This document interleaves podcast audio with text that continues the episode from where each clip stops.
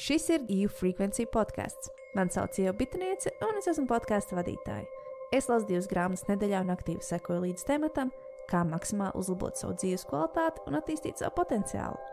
Katru nedēļu man pievienosies kāds viesis, kurš padalīsies ar saviem life hacks, un mēs kopā apspriedīsim aktuālo zinātnē, ezotērijā un varbūt pat popkultūrā. Sarunas bez liekas formalitātes un ar daudz smiekliem. Balsī vai Es prātam? Tas uh, smadzenes. Es lasīju grāmatu no rīta. Man ir- Lasīji. Jā, ā, es varu pastāstīt lietas, ko es daru no rīta, lai man kustās, ā, lai man kustās smadzenes. Es, uh, pirmais ir elpošanas vingrinājumi. Jā. Vimhofs tā kā rīktīgi izelpojos, un tad jau diezgan, Tas 3x30. jā. Un uh, tā, uzmanīgi. Tad es uzreiz uh, slēdzu gaismu iekšā un es rakstu. Un, uh, zini, artistu vai, noteikti zini, artistu vai. Es dzirdu savu balsi, bet klusu. Check, check, check, check. The artist way. Es dzirdēju, Mm. tāda grāmata. No, nu, nosaukums dzirdējis. Ok, Bet... Tur laikam bija tas, ka jāuzraksta lapā dienā. Jā? trīs, Trīs trīs lapas, trīs lapas dienā. Un es sevi tā kā spiežu rakstīt, un bieži vien ir besis, un tagad ir besis, tad vislabākais. Lab, vislabākā sajūta ir pēc tam. Rakstot, nē, bet pēc tam. Jā, tad es rakstu, un tad man pie gultas stāv dažādas grāmatas, kas uh, kustina prātu, un es tagad lasu par kreativitāti. Un to es palasu apmēram desmit minūtes, un tad Kurajā? es ceļos. Uh, TED Talks ir viņiem vienkārši apkopojums ar kreatīviem stāstiem. Un uh, tad es ceļos, un man ir jogas pakalēņš pa ceļam. Un tad es tā kā, oh, uzkrītu. Tad tu paklūpi. Es uzkrītu uz jogas pakalēņu kaut kāds divas, trīs minūtes vienkārši pastiepjos. Un es jau esmu diezgan moža un viss ok. Kā, tas ir tas stretch and go. Jā, Mēs tā draugu mēs smējamies par kaķiem. Viņiem ir pieceļās, stretch and go. Kā, jā, Uz vienu pusi, uz otru pusi. un bet tad tā visiem vajadzētu. Jā. vai Ne? Mm. Jo tas iekustina prātu, ne tikai ķermeni, mm. Arī ķermeni. Kaķi noteikti siekustina. Par ko šodien es pateicīgs? Mm. Nu, viens.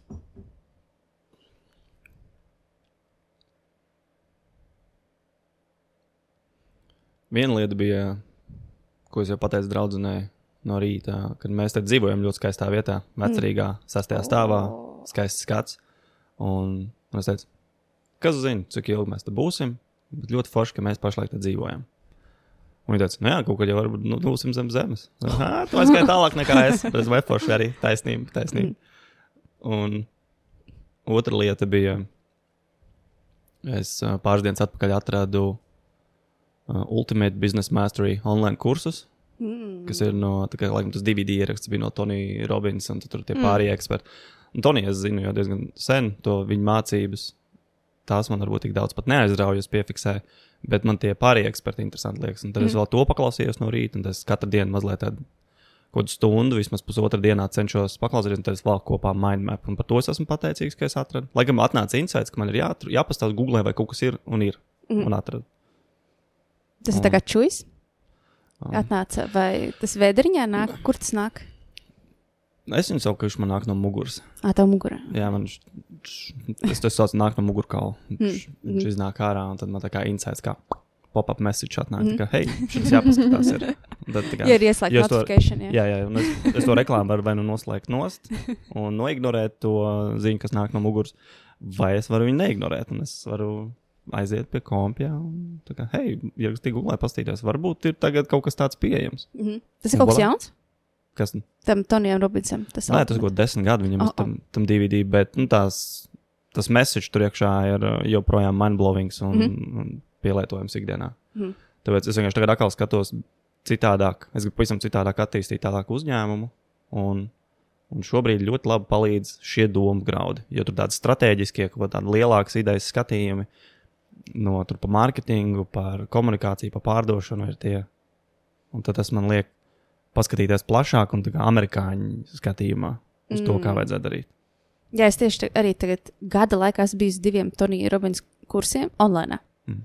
Un, uh, un viņš tur diezgan maz runā. Kad viņš runā, tad tāds, jā, bet jā, tie eksperti tiešām ir tā, ka tur nāk no dažādām jomām un uh, tiešām iekustina smadzeni un liek tev būt drosmīgam darīt to, ko tu dari. Viņi runā par tavu autentiskumu, par tavu nišu uh, un vienkārši nemīs dari. Un sāc kaut ko, mēs visi sākām no nulles. Tas man palīdzēja. Tas ir loģiski, ka visi sāk no nulles, bet tas nav loģiski tajā pašā laikā, jo tu visu laiku redzi apkārt highlights. Mm. Visu, ko tu di- ikdienā patērē, ir highlighti. Instagrams, eh, TikToks, jebkas, mēs jau neredzam nulli, jo mums nav pieeja tām nulēm. Vajag uh, dalīties ar ģimenes al- fotoalbumu. Mm. Un Tad, nu, ja kādam fotografē mm. ģimenē, arī, tas arī ir labs jautājums. Jā, Ja man- nefotografē, tad tā bija vēl lielāka nulle. Uh, jā, jo man 80. es dzimu 80. man nav bildes no, varbūt viena, divas. Ah, Tieši tāpat kaut kāds ir. Jā. Vai ne? Tikai dažs. jā. Ok, tas ā, iesāk par savu uzņēmumu, tā kā jauno stratēģiju. Vai tu vēlies pastāstīt par to, padalīties? Ar kādu domu graudu, ko tu šorīt ieguvi? Tas šī rīta domāts bija tieši par. Man nepatīk latviešu, kas saka, uzticēties. Angliski forši - trust. Mm. Mm -hmm. Trust. Daudz Tic- kas Latvijas ticība. izklausās. Jā, Angliski. Labāk. Izskatās. ā, es- jā, Jā. angliski. Ja man liekas, tā latviešu tas kā uzticīt. Tu kā Mm. uzliec kādam. Tā kā nevis es viņu ņemu un ģenerēju, bet es uzlieku kādam. Mhm. Tā kā uzticēties. Kaut kā dīvaini man tas nelikās. Mm. Man, man tas ne, latviešu valodā kaut kā nelikās šis man kopā tā ideja. Jo ticība man ir iekšā, un es ticu. Bet, ja es izmantoju vārdu pašu tic, tad liekas, ka viņš arī neatbilst pilnībā tam, ko mēs saucam par uzticēšanos. Mm. -hmm. Un tas bija viens. Un tad bija interesanti tā doma. Man liekas, tas bija. Tur tieši runājot Stevens Kovijs, kam ir uh, septiņu efektīvu cilvēku noslēpumu, jo kaut kā bija tā grāmata. Mm. Mm. Seven ha- Highly- Highly effective people vai kaut kā tā. Jā. Es Nu, zinu. Man Nu, Viņš runāja, un man, man patīk tieši par to, par to ticību. Bija ļoti vienkārši. Mēs viņu pamanām, kad viņa vairs nav. mm. Tāpat kā te ir sildītājs fonā, mēs mm. Mhm. viņu pamanīsim, ka viņš vairs nebūs. Mm Mhm. -hmm. Kad viņi izslēdz, mēs kā, ha, Un Toms paliks arī augsti. Tāpēc, uh, bet, bet man šķiet, ka Arī mi siltum mi pa- mikrofonā nedzirdēs. arī siltumu. Nē, ne par to, bet arī siltumu pamanā, ka Jā. viņš vairs nav. Jā, Tā kā tagad viņš pazūd. klusuma pamanā, ka vairs nav skaņa. Mhm. Un tā kā nu, uzticēšanos, tāda, ka mums ir savstarpēji starp cilvēkiem, mēs arī pamanām, ka viņi vairs nav. Mm. Um, visi jaunie uzņēmēji, ieskaitot es arī pirms gadiem, nesapratu. Man tur likās, ka es diezgan nu, jēdzīgas lietas daru krūti, bet kaut kādi cilvēki tev vairs nezvan. Un tas ir par to. Viņi vairs nav. Mm. ja tie cilvēki vairs nezvan, tev neiesaka tālāk, tu neesi izdarījis kaut ko pietiekoši labu. Jo vienkārši tu pamani to, ka viņi vairs nav. Ja tu pamani, Mm. mm. bieži mēs nepamanām, skrienam laikam pēc jaunajiem, tā vietā, lai censtos jau ar uh, esošiem turpināt sadarbības un skatīties, kā mēs varam um, būvēt kopā kaut ko jēdzīgāku. Un tās tās lietas, kur tā. Ja tā uzticība nav, tad mēs tikai pamanām vairs tad, kad viņa nav. Un tad vienā brīdī mēs esam varbūt vieni. Mm. Mm. Tas man patīk. Tas bija šodienas dom- domu grauds, kas uzrunās. Par Kas, kas ir vēl tās lietas, kuras Jā. mēs pamanām tikai tad, kad viņš vairs nav? Jā, tas nozīmē, ka mums, kad mēs izmantojam šīs pateicības, mums vajag pateikties par it kā acīm redzamām lietām, kas ir. Ah, kā bija vārds? Apziņa. Nē, mm. mm. Es aizmirsu vārdus. Ka loģiski, ka viņš šeit ir, un mēs bieži nepasakāmies par nu, to, ka pašsaprotami. pašsaprotams, paldies par pašsaprotamām lietām. Jo es šorīt pamodos un bija 14 grādi istabā, un bija tā, ah, siltums kaut kur nav. Redz, viņš pazuda. projām ievēroju. 14 grādi bija. Mm -hmm. Nevis Jo man mīnus liekas, ārā bija 12. mīnus, cik ir. kaut kā- Mīnus 12. man Mīnus šķiet, 12. rādīja. Man- Nu, redziet, mēs tev bija joprojām plus 28 no tā, cik bija ārā. Diezgan daudz ir. Es nosalu. Uh, Pats, ko es gribēju teikt? Jā, sāksies man viss šie ten. Bet man, es uzreiz ieskatīšu par pate, Ok. pateicībām. Man ļoti patīk. Man tāds uzdevums dažreiz mēs sasmējamies gan mājās ar draugiem viņam. Kad, piemēram, vakariņas, mēs apsēžamies, mēs tā kā, mēs arī varētu nu, izteikt pateicības. Un tad mēs tā kā, cik tālu mēs ejam? Mēs tā kā, ok, olas nāk no Ome.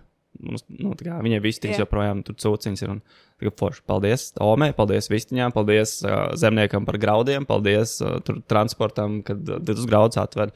Ok, tad uzreiz arī pierēzes paldies tiem, kas atveduši ir dīzeli kā, uz Latviju. Paldies tiem, kas strādājuši uz uh, šīm naftas rakto, tā kā atradnēm, kas tur strādā ikdienā.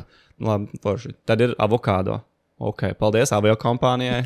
Pirmkārt, es ticamāk, ka viņš ir lidojis uz šejienes. Dienvidāfrikā ir kaut kur zemnieks, uh, tur ir ģimene, kas viņus, kā, kur strādā pie tā. Paldies viņiem. Un tad ir kartupeļi. No kurienes tiem?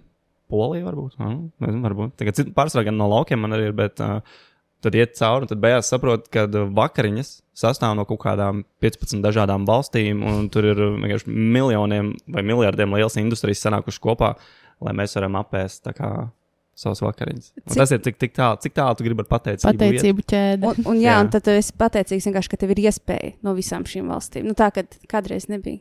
Jā. Tā Mhm. mm. vien- vienkārši. Bet uh, cik ilgi jums aizņem šī pateicība? Mēs Vai vienkārši vienā brīdī sākam neatceras? ēst. Jā. Es domāju, mēs, es domāju, tas ir pāris minūtes. Mēs tā kā, tas ir vienkārši paspēlēties ar šo enerģiju laikam, kopumā.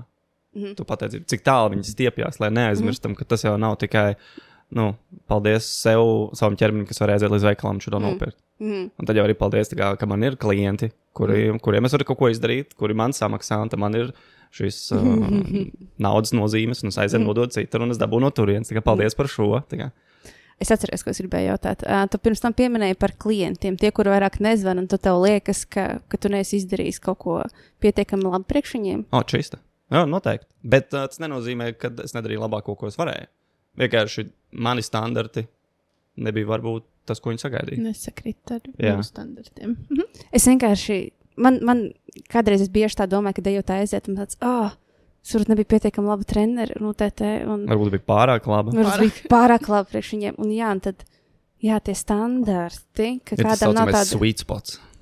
mm, ka mums sakrīt standarti. Jā, Bet, ja es gribu augstāk kāpt, tad man jāatsakās no tiem, kuriem ir zemāki standarti. Labs jautājums. Tad noteikti case studijas būtu labāk. Tā kā uzreiz jau paņem kaut kādu konkrētu situāciju, kuru var izķidāt šajā gadījumā. Nu, piemēram, sarežģītāks dēļ. Gan jau noteikti tu atradīsi kādu, kuram tas liksies, oh, wow, let's go in, bet tie mm -hmm. būs jau daudz mazāk noteikti nekā tie, kas grib atnākt vienkārši pakustēties. Mm. Tagad tas jau ir tas mūsu expectācijas. Es pamanīju, mm. ka daudz ciešanas man pēdējā laikā nāk tikai un vienīgi no tā, ka man ir arī gaidas, Mhm. Un kaut kas nenotiek saistībā ar viņām, tad es, es piefiksēju, ka es dusmojos par to, ka man un tad es tagad esmu mazgājis stulbi. Kāpēc es dusmojos par to, ka es pats esmu izdomājis gaidas, un vai nu kāds viņas nerealizē, vai man neizdevās, vai kaut kas, kaut kas nesanāca, un tad es esmu uz kaut kādu brīdi dusmīgs, kaut kas stress uzrodas. Es domāju, stulbi. Man vakardien tieši bija tāds, man uznāca tādas dusmas vakarā. Tādas dusmas uznāca. Par ko? Par ko? Uh, vienkārši nu, tā kā no visām tad pārdomām, kaut kādām uh, aktualitātēm, kas manā galvā notiek, un uh, es baidos no pārmaiņām, es baidos spērt mm Mhm. -hmm. soli. Un es sadusmojos, un, uh, nu, protams, te tiek apkārt arī ietekmēti tie cilvēki blakus, vai ne? Kas ir. Es vienkārši saģērbos, aizgāju projām un divas stundas staigāju ārā. Mm. O, labs menedžments. Jā. Es esmu iemācījusies uh, kaut kā ģenerēt to citādāk, jo, ja agrāk es nespēju valdīt savas emocijas, tad tagad es vienkārši mācos ieturēt pauzi, apkopot domas, atnācu mājās, teicu, ne jau tu, nu, ne jau tu esi vainīgs, ne jau es uz tevi dusmojos, es uz sevi dusmojos. Mm. Tas Bet- ļoti labs. Labi jā. emociju regulācija jau. Nu, ja, ja nevar tur uz vietas tikt ar mm -hmm. to Mhm. galā, tad labāk ir uh, aiziet pastaigāt kaut kas progresīvs. jā, Jā, jā. kaut kā Jā, jā. dabūt ārā. Tu noteikti to zini vislabāk. Nu, jā, jā. Nu, man Kad- visu mūžu ir bijis sports, un, un I like it. es, es, nevaru, es tiešām nevaru iedomāties, kā cilvēki nekustās. Es nespēju. Es man bija divas dienas, kad es montēju video, tā kā no rīta līdz vakaram, un man bija tā, ka man asaras, asaras, acis bija beigtas, man tieši nebija asaras. Tā kā viņas bija, viņas bija tik sausas, man sāpēja mugura, man viss bija slikti, un tā kā es biju ļoti nelaimīga, es gāju uz aptieku, palīdziet man. Man vajadzēja pilienus tur un vitamīnus paņēmu no divas dienas sēdēšanas. Divas, tikai divas dienas. Tāpēc es, es nezinu. Nē, nu es saprotu, ka cilvēks ķermenis pierod pie visa. Dažādi talanti. Arī Mm, talants sēdēt? talants montēt. Ah. Tas jau pārējais ir sekas. Mm. Mans novērojums, ka mēs esam, mums katram ir kaut kādas šīs talanta ievirzes, bet tie, kas ir tiešām krūti, ir varbūt 5% no visiem, mm. kas to dara. To es esmu pamanījis. Jo ir ļoti grūti atrast cilvēku, kas ir tiešām talantīgi montāžā. Mhm. Vai arī cilvēki, kuriem es iedodu rokās kameru, un man viņam nekas īsti nav jāstāsta. Pilnīgi sajūta, ka tā kamera aug ar viņu rokām kopā. Mm. Ka viņam tas ir, viņa kamera bija viņa nervu sistēmā jau. Mhm. Vai montāžas programmas ir viņa nervu sistēmā, vai, vai tāpat kā ar kādam režiju, vai tev, acīm redzot, varētu būt dejošana tavā mm. nervu sistēmā, ja viņi tur iekšā, kad, nu, iedod bītu un viss aiziet tur pārējie, tā kustamies. nu, tas ir par to, ka kad tas, tas ir uzdevums arī, ko es priekš sevis visu laiku skatos, un arī, kad es tiekos cilvēkiem, es arī skatos, vai viņiem ir, vai viņš dara to, kas ir tā viņa talanta ievirza. Un tas mm. ir baigmās. Mēs draudzam to saucam par fakta enerģiju dažreiz. Oh, wow. Tas ir tā kā Gudrs vārds. Savā ziņā, nu, nu mums ir tā enerģija iekšā, tā, mm. un, un ja mēs uztrāpam uz to, tad mēs pavisam citādāk performējam. Mhm. Un šis ir vai nu mēs divas dienas, kad tur mocamies, un mums sajūta, ka mēs esam gan arī nomiruši, un iespējams tev sajūta, ka tu pazaudēji gadu no dzīves. Mm. Bet kādam, kādam, jā, bet kādam tās Jā. divas dienas tur, uh, viņš, iespējams, viņš jau būtu tur desmit video paspējis to laiku samontēt. Es 63 video samontēju. Nu, jā, Maziņos. 60, jā, vo. Tas tāpēc. Mm. es vienkārši. Es, ā, jo man visu laiku ir tā, ka mums ir divi video, mēs nofilmējam, tā kā divās dienās visus nofilmējam, un tad es prokrastinēju. Mm. Un tad man kaitina, un visu laiku šeit aizmugurē, tur, kur tev nāk tie paziņojumi, man tur vienkārši visu laiku sēž. Un Errors jau, kurš jau pats Un tev mitēs ir- tev jāmontē, tev jāmontē, es negribu, nu, var vēlāk, tur jāmontē. Un tad es riktīgi prokrastinēju, un tad es ā, ļoti nelabprātīgi to daru. tad Es domāju, beidzās filmēšana. Es vienkārši veltīšu divas dienas, lai man nākamos trīs mēnešus ir miers un nav tas rūtīts aizmugurē, kas man kaitina. Tas bija mans. Tas ir motivācijas modelis arī. Mm. Bet, uh, bet es priecājos, ka man viņš ir. Es tagad arī vispār lietas daru daudz ātrāk. Es ienīstu pēdējā brīža lietas. Tā kā es pat mēnešiem ātrāk, es, piemēram, šodien ierakstīšu epizodi, kur mēs pēc Ziemassvētkiem izlaidīsim. Tā kā tagad es jūtos, to es sapratu, ka man tā prokrastinācijas un pēdējā brīža sajūta ir riebis īstenībā, un viņi man nemotivē. Viņi man drīzāk vairāk es depresīvi palieku. Mm. Un tas stress, jā. Nu, jā. Bet stress jau vienalga ir. Stress jau ir labs savā, nu tādā nedaudz. Nu, ja stress un distress. Mm, e-stress. Eistress. E. Tas skaitās tas pozitīvais. Jā. Mm. Tā kā iPhone. E. Aizstress, gandrīz, jā, varētu teikt. Jā. Atgriežoties pie ieprogrammēšanas, tu minēji, ka nu, katram cilvēkam ir kaut kas ieprogrammēts, vai ne? Kas viņam tā kā sanāk, kas izdodas. Uh, es ticu, ka ļoti daudz cilvēku jūtas apmaldījušies un apjukuši, un uh, kas varbūt ir tas, kur meklēt to īsto savu lietu, un kur atspērties un potenciāli, teiksim, pelnīt ar to iespējams. Kā mēs atrodam savu stilu, kā mēs ģērbjamies? E, e. Eksperimentējot, Pielāgojot. mē- mēģinot, Pielāgojot. laiku. Un, Tieši tā, ekspert, nu, tas skolnieks vienkārši. Labi, nu. bet, bet tas ir burtiski par to. Tas ir ātrākais veids un tāds šajā pasaulē, man liekas, ļoti praktisks. Vienkārši, ja tu ieraugi kaut ko, kas tev interesē, atrod veidu, kā tur nokļūt. Vai tev ir teorija, kāpēc cilvēki tik nenormāli baidās būt patiesi pret sevi? Un riskēt, un Tas jau ir mēģināt? bailīgi. Man īpaši. Nu, redz, tev vairs nē. Vai tu Mm. atceries laiks, kad tev bija bailīgi? Nē. Tu vienmēr esi bijis bezbailīga. Nu, nē, es domāju, tieši šajā jomā. Jo es, man bija drīzāk otrādi. Man teica, tu to nevari. Man tāds fuck you, es to izdarīšu. Nu, redz, citiem nav šis rebelions mm. iekšā. Mm. Šis tā, nu, labi, paņemsim soli atpakaļ. Man patīk tā tēma, ko tu minēji. Ir um, pirmie septiņi dzīves gadi, kā mūsu audzināja, kā pret mums attiecās, plus mīnus noteiks, kā mēs turpināsim dzīvot. Mm -hmm. Tā ir mūsu pirmās programmas. Windows 95. Uzzīmēts lēcas. tā kā. Un vai tur apakšā vēl ir DOS saucamais, kā, kas ir zem Windows apakšā. Kurš atcerās dosu? Jā, es, es tikai zinu, ka, nu, bet, nu, būtībā tā ir pašā apakšējā programma. Sauksim, zemapziņa varbūt. Un tad pa virsmu mums sakrāja vecāki, draugi, radi, māsas, brāļi nākošos. Un tad, nu, kādam tas pusauģis laiks, kur mēs sākam meklēt sevi, tas sāks 11 gados, kādam varbūt 30 gados. Un šis ir par to vienkārši, cik ilgi mēs savā ziņā pieļaujam paši sev iet cauri ikdienai un neapšaubīt esošo kārtību un nemeklēt savu patiesību. Kā, Vai, ši, vai šis ir tas, kā es gribētu, vai šis ir tas, kā es darītu, vai man šis patīk, vai man šis nepatīk, kāpēc, kā es citādāk darītu. Kamēr mēs ne, nu, neapšaubam to, ko mums ir iedavuši, to mantojumu, tikmēr mums īsti nav tās mūsu drēbes, tikmēr mūsu ieģērbus ir mamma, tētis, mm, tur viss cits mūs ir ieģērbuši, mēs staigājam ar tām pufaikām un mm. biksēm, kāds mums iedeva. Un, un tad, kad tu sāc savējo piemeklēt, tur, tur veidojās. Tur mēs sākam to, tas, tas konflikts ir iekšējais. Viņš saka, tā kā, hei, bet man īstenībā patīk šāda jaka, nevis mm. tas, ko tu man te visu laiku esi devis. Es saprotu silti, bet šī ir citādāk. Šis, šis man atbilst vairāk. Mm -hmm. Un ta, tas ir, tur, tur sākās tās izmaiņas. Un, ja mēs runājam par profesijām, ir, nu, medicīnā būtu grūtāk tikt iekšā pa taisno, bet arī tur var mēģināt, kā praktikanti vai ēnošanās visādos veidos. Bet ir ļoti daudz industrijas, kurās vienkārši, ja tev interesē, viņi vienkārši ej, ēno, uzreiz iekšā. Ir ceļš filmēšana, video joma, kreatīvās jomas vispār kā tādas. Ja tu tur neej iekšā neformālā veidā, iespējams, tev tur pat nav ko darīt, es teiktu, manā skatījumā. Un, Reija, ja kāds grib kādu nākotnē podkāstu taisīt, var ēnot mani. Jā. Palīgi noderēs. Uh, man jau divas lietas ir. Uh, man patīk uh, veidot tabulu, man pēc tam jāatcerās. Un es rakstu lietas, ko vajadzētu mācīt skolā. Mm. Mēs jau pievērsāmies divām lietām. Tas ir par expectācijām, Mm -hmm. mācīt to, ko nozīmē expectācijas.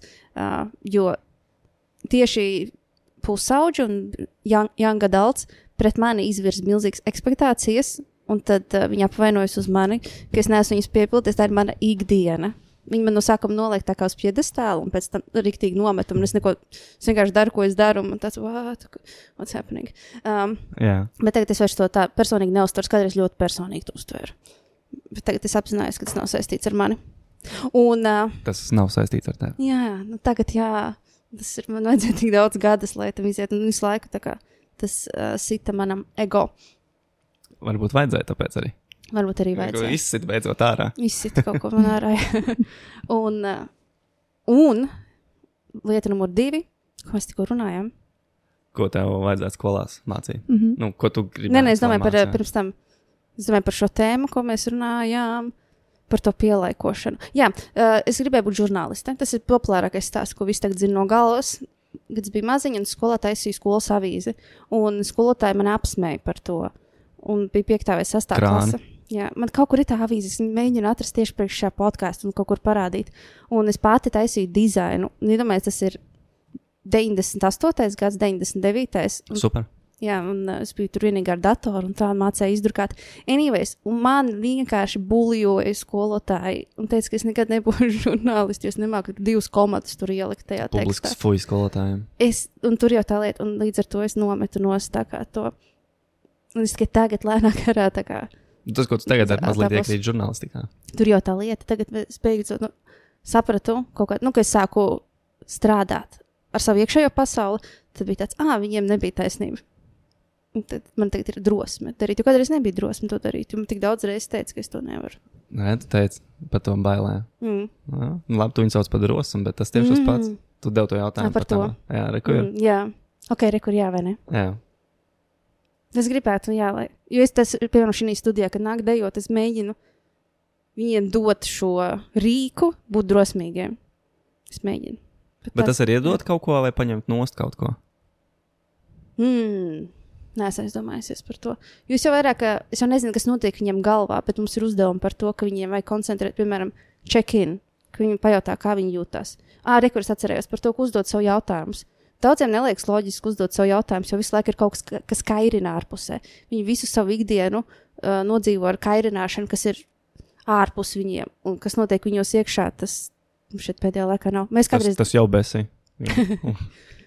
Jā, vai lai ārā tev novērš uzmanību no sevis. Jā, jā, jā. Tas, un tad mums to treniņā atnāk, un es viņam lieku, nu tā kā jūs jūtaties, uzdodat savu jautājumu, pieskaraties sev, izmasējiet savu roku, nu tā, ka, tā, kur jums ir varbūt tā, nospiedusies enerģija, varbūt kaut kas sāp, tur uzliekat roku, un, nu, tā, tā uz iekšējo. Bet kas notiek viņam galvā, es jau nezinu, bet es mēģinu tā kā uz iekšā, tā kā bīdīt viņus. Bet jautājums joprojām paliek. Jā. Nu, tu pievērs uzmanību mm. sev. Jā. Bet, ja mēs runājam par tādu miedarbību, Mhm. mēs liekam klāt vai ņemam nost. Mhm. Arī par sevi. Mhm. Ir tāds atmācīties arī vārds. Mm. Ne tikai iemācīties, bet tieši kaut ko atmācīties no tā, ir jau pa daudz. Jau. Mhm.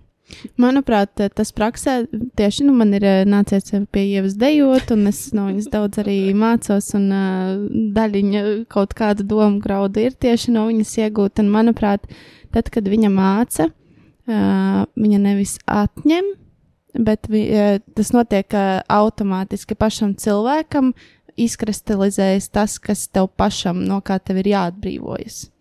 Jo tev ienāk tas jaunais, ko ieva, piemēram, sniedz iekšā, bet uh, tas, kas tev nav vairs nu, tūs vai nederīgs tev, tad tas arī tā kā aiziet projām. Mm. Tas nav manas tas tagad personīgās te- pieredzes. Tā kā te pie durvīm tu varētu pielikt, tā kā, ja tu ej iekšā tajā telpā, tad tu visas lietas atstāti ārā. Tur. Mm, tā, tā, tāds ir noteikums. Man ka mums nolikumā kaut kas līdzīgs. Iekšējās kārtības. Kā, tu varbūt jāuzraksta uz lapiņas, ir, ko tu atstāji ārpusē. Mm. Tad tā kā, ieliec lapiņu, ka tur redz tur mm dziedošā bļoda, ieliec bļodā, un tad mm pēc tam nāks ārā, ja tu vari izvēlēties ņemt viņu līdzi vai neņemt līdzi pēc tam. Ak, Dievs, cik laba doma. Ej, tu nos. Ļoti forša doma. Jo katru reizi jau mēs nākam ar citām Ar problēmām. kaut kādiem uztraukumiem saviem Ar raizēm. Jā. Es šito nošpikošu. Tad, tāds primings savā ziņā. Paldies. Un tāpēc man ir uzreiz ir jautājums, uh, pagaid, man ir pierakstīts. Es stulītos. Uh, tev rakstīts Instagramā, ka tas profesionālās izaugsmas konsultants pastāstīja, ko tas nozīmē. Diezgan līdzīgi tas, ko mēs tikko izdarījām. Ah, tu vienkārši iesēji uh, sēklas, un man izauga ideja, un vai tev izauga ideja, un es viņu Ne- pārņemu. Un, uh, Nu, pat nevajag, nu, reku, tev ir tas, ko tu dari. mhm. Un tu tikko teici, ka man citreiz grūti varbūt ir ar um, noprāmot, ja ievirzīt varbūt Mm. mm. ātrāk tur manu klientu jau tajā procesā. Un tad mēs runājamies, es klausos, un tad es atrodu šos savā veidā kaut kādā smal, smalkajā plānā. Viņš tur kaut kur apkārt man ir tās idejas, es viņas tur Mhm. mm. dzirdu. Un, un tad vienkārši, ok, like, viens primings, mēs kā pieliekam lapiņas, notestējam, kā tas strādā. Un tad, Mhm. mm. nu, un tas ir tas, um, bet profesionālais tajā ziņā, ka tas vairāk ir uz karjeru vai uz uh, tādu profesionālo kaut kādu realizēšanu izvirs. Nu, tā kā, kas palīdzēs tev pietuvoties tam savam, kaut vai tai vīzijai, mērķim, vienalga, kā, nu, kā mēs viņu definējam. Tad tas ir vairāk tā kā. Ko mēs varam darīt, lai uzlabotu savu, savu labklājību, un tavā gadījumā varbūt arī mm. tavu klientu labklājību, mm. un tad, nu, kas ir tas, ko mēs varam izdarīt? nu, Tas Uzlabot, ir, jā. nu, tas ir vairāk tā kā ar biznesa owners uh, latviešu. Ka karjeras biznesa. Karjeras biznesa. Jā. Okay. Jo, nu, man, mm. man sākumā ļoti patika ļoti. Tas varbūt mans ceļš sākumā, ka es palīdzēju ar visām iekšējām motivācijām, es kaut ko tādu strādāju. Un tad gada laikā, ejot cauri, sapratu, ka to ir par maz. Manas ambīcijas mainījās to, ka sapratu, ja es palīdzu spējīgākiem cilvēkiem kļūt vēl ietekmīgākiem, mm. viņi aizsniedz daudz vairāk cilvēkus. Mm -hmm. Ja es palīdzu viens uz viens kādam, kuram es palīdzēšu viņam tik galā, un varbūt viņš, ja viņam būs jauda, viņš aizies ar savu ģimeni, varbūt kaut ko vēl uzlabos. Bet tad, kad es palīdzu vadītājiem vai tiem, kas, piemēram, arī, piemēram, tā kā tev, piemēram, tu strādā ar grupām visu laiku, mm -hmm. ja es varu palīdzēt tev kļūt vēl efektīvākai, tu uzreiz maini daudz vairāk dzīves. Mm Mhm. -hmm. Tas ir tas, kas manā, manām ambīcijām tas ir vajadzīgs. Jo tad es zinu, ka mans pienesums palīdz uzreiz tur 100, 200, varbūt 1000 cilvēkiem vienlaicīgi. Mhm. Ja es ieeju uzņēmumā, es parunāju ar vadītāju, kurš laiku streso, un tagad, uh, vai viņa, viņa pirms mēs nestresoja, vai streso mazāk, vai citādāk menedžē cilvēks, tur ir piemēram 20, 30 darbinieki. Tur parēķināt, cik daudz tur uzreiz iesaistītie, mm. -hmm. kuriem uzreiz kļūst labākas 150 stundas mēnesī, un arī visas pārējās, kur viņi iet mājās pie ģimenēm. Mm -hmm. Tā ir tā ietekme, cik, mēs, uh, cik, cik tālu mēs um, ar to, ko mēs darām, mēs īstenībā aizsniedzam par to pašu pateicību, cik tālu mēs Mm. ejam. Tāpat arī šī ietekme, tā, tā profesionālā, ir tāpēc, ka mēs ļoti daudz laika pavadām nu, šajā vidē, kur mēs kaut ko tiešām cenšamies realizēt. Mēs darām, gribam izdarīt kaut ko labu, un ja Mm. mēs varam izdarīt mazliet labāk, varbūt sirsnīgāk, uh, cit, vienkārši, citādāk, citreiz, tas uzreiz maina arī vispārējo ķēdes reakciju. Mm -hmm. Es gribēju piemetināt to, uh, ka tu esi man pirmais zināmais coach, tad, kad coachings nebija tā kā vispār zināms. Nu, jā, viņš īstenībā jau gadus 15, man liekas. Jā, nu es domāju, Latvijā, jo tagad tikai pēdējo gadu man šķiet, cilvēki sāk runāt. Un ko tu pateiktu cilvēkiem, kas saka, ka coachings ir uh, sūds? Es atvainojos, nē, bet uh, kā viņi saka? Ka tas ir nevajadzīgi, ka tā ir uh, cilvēku čakarēšana, ka naudas izspiešana. Pēc ko vēl cilvēki saka? Es nezinu, nevienu kaut kurš izspies naudu īstenībā. Nu, Nu, es saprotu, varbūt liekas, ka nu, pārāk dārgi vai kaut kas tāds likties. Bet arī kā, nu, kuram? Jo uh, man ir vienmēr interesanti, ka šie viedokļi no cilvēkiem, kas nekad nav bijuši kā patūmā un nav pat ierakstījuši Google, ko tas nozīmē. Bet, okay, ko tu viņam teiktu, ja, ja nu kāds klausās? Viss ir labi. Viss kārtībā. tā kā- Man ir bieži, ka cilvēki jautā, ko man darīt ar manu tēvu, kurš neko negrib. Viņš vienkārši sēž mājās, skatās televizoru, varbūt, Mm. mm. varbūt vai strādā, vai nestrādā. Es saku, nu, kā tev liekas, viņš jūtas tā kā labi, tā kā laimīgs. Jā, tu liecini mierā. Viss Mm. kārtībā. Tā kā, ko tu viņai aiztiec? Viņam čakarē viņam dzīve. Jā, varbūt, varbūt, ja viņam ir iekšā tas grūzis kaut kāds, kas tur, tur lēnām varbūt tur veidojās, nu, viņš nonāks vienā brīdī pie jautājuma, hei, ko darīt. Nu, nevaram mēs visus pamodināt, mēs nevaram visus sakratīt un viņus ņemt kaut kur ievirzīt, jo tas mm. ir mentāli grūti. Jā. Tas ir pirmais, kas varbūt jāsaprot, ir, ja mēs mainamies, tas prasa mentālu ieguldījumu. Un lielākā daļa cilvēku ir gatavi 200 stundas mēnesī smagi strādāt, lai viņiem neliktu domāt. Mm -hmm. un, un tas ir par to. Mm -hmm.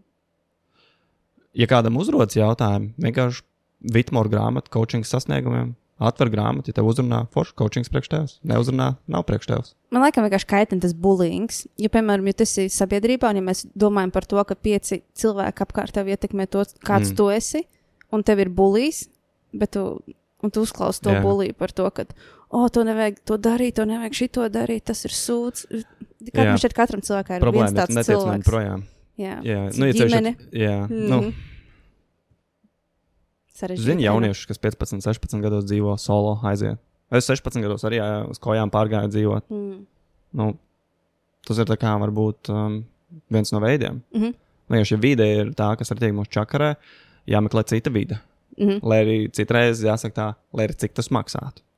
Yeah. Nu, ja mums nav naudas, tad nozīmē, tas maksā visu kaut ko citu. Mm. Bet uh, meklēt, es esmu piecas reizes uzsācis dzīvi pie kāda drauga uz plāna matracīšu. Mm.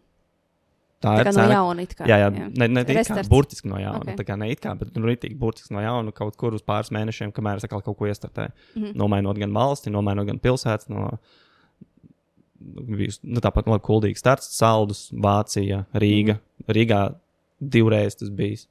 Un, un tā ir tā cena, kuras esmu gatavs maksāt, lai paturētu savu iekšējo brīvību. Mm. Tev vērtība galvenā ir brīvība? Jā, tā ir mana primārā. Mm. Man nevar dabūt vairs projektos iekšā, kur man nav vairs saskaņā ar to. That's. Es varu pakonsultēt no malas, mm -hmm. ja vispār kaut cik man sajiet kopā tā ideja, saprotu. Bet uh, pat vairs nē. Es labāk sēžu blēņu sienā, sauksim to par meditāciju, mm -hmm. nekā esmu projektos, kuri man vairs neuzrunā. Mm. Forši. Bet uh, ir grūti ar buļļiem, un ir grūti mm. ar tiem, kuriem tur. Um, nu, viņiem, es teiktu, viņiem ir grūtāk pašiem ar sevi nekā pārējiem, kas kaut ko dara ar tiem, kas tur buļļo. Mm. Jo es pat pēdējā laikā mēs, mēs ar draugiem smējamies, jo es esmu diezgan aktīvi arī pasācis kaut ko publicēt ar TikTok un kaut mm. kur savus tos domgraudus. Un tur ik pa laikam kāds ieraksta kaut kādu stulbu komentāru, un viņam liekas, ka viņš smējās par mani, bet es mājās ar draugiem pasmējos par viņiem. bet mm. ne tādā ziņā, ka ha, ha, ha, ha, bet tā kā mēs tā kā citreiz tos komentārus man tur bija kaut kādu tuftulēju. Mēs mājās kā, o, šodien tuftulēju. Mm -hmm. Mēs, jau, mēs jau mm -hmm. spējam jau to jau paņemt tie, kā iekšējo humoru, ne jau vairs kā apvainošanos vai kaut kādu iemeslu cīnīties pret kaut ko tur fiktīvu. Mm -hmm. Un tas ir tā kā, ka man tas neķer, un es pat īsumā to gan diezgan pozitīvi jau uztveru. Bet tas varētu būt sekas kaut kādiem tur astoņu gadu rudīšanās procesam, laikam, šādā šādā vidē. Rudīšanās ar cilvēkiem? Nu, kaut kādā sociālā tīkla vidē ņemam. Mm. Visu kaut ko mm. publicēšanu un, mm. un, skatīšanos, kā tas ir, un tad komentēšanu, runāšana viņiem vienkārši sociālā mm -hmm. miedarbība sociālos tīklos. Un tas ir varbūt tā saucamā ādas audzēšana līdz šim punktam, ka man vairs tas neķeras. Pat kā, oh, forši, ir vēl kāds haters. Tas, jā. Mhm. Un, ja viņi uzrakstītu, nekas tev tā kā neķer. Man ir interesanti. Es parasti mm. uzdodu apakaļ jautājumus. Es gribu saprast, mm. kas tā pa domu bija. Tur. Šis ir īstenībā labākais, ko es gribu darīt par tiem konspirācijas teoriķiem, ka viņiem uzdot jautājumus, paskaidro sīkāk. Es, es ļoti gribu izmantot īpaši par. Uh, es klausījos vakar podkāstu ar Billu Gates, Trevor No un Bill Gates. Mm -hmm. Un viņam uzdeva jautājumu, nu, ko domā par tiem cilvēkiem, uh, kuri uzskata, ka tu ieliek viņos čipu. Es tev, wow, Billam Gatesam tādu jautājumu uzdot. Un tad, uh, jā, viņam arī viņam pilnīgi čili, viņam vienalga, jo tā, nu, tā nav taisnība. Bet es vienkārši arī par to pēc tam nu, paskaidroju vairāk, ko tas čips dara, kur viņš tev atrodas, kā es varētu palīdzēt tev viņu izņemt ārā. Un uh, tad viņiem parasti nav ko atbildēt. Tad, tad, uh, jā, tāpēc es gribu to sākt praktizēt. Ja kāds grib uz podkāstu, kon... Ok, runāties. Ir. Šajā gadījumā man palīdz ļoti labs teiciens, kas ir baigs senāts, un varbūt no Dēla Kārnegija, varbūt man liekas, viņš pat bija. Nekad nestrīdies ar muļķi, mm -hmm. ja viņš to novadīs līdz savam līmenim un sakaus ar pieredzi. Mm -hmm. Viņš man bērnībā teica. Jā, man nē. Mm. Iemācījos 20 gadu, ko 24 gadu vecumā. Pilnībā izmainīja man skatījumu ar mm -hmm. to mhm. cilvēkiem, ar kādiem es strīdos vispār, ar ko mm -hmm. es diskutēju. Mm -hmm. Un tad es ļoti ātri piefiksēju, ok, šī ir tā kategorija. Es vienkārši aizveru muti, un viss, man, viss. man tur vairs nav jāatrodas, man tur vairs nav jārunā. Es vienkārši novirzu uzmanību, sēdzu kaut kur citur. Mm -hmm.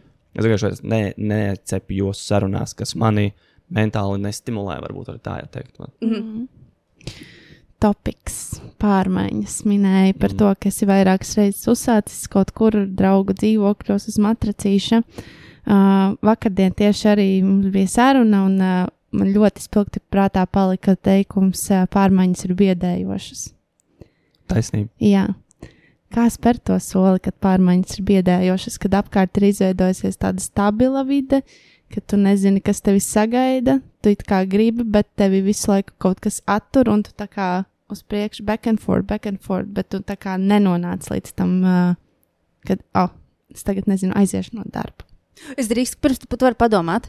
Es pastāstīšu, ātri, kas man palīdzēja tagad riskēt un daudz ko darīt. Augstās peldes, es godīgi saku, augstā fucking, jo tu te iekšā un tev ķermenis mirst, un viņš saka, nē, ak, Dievs!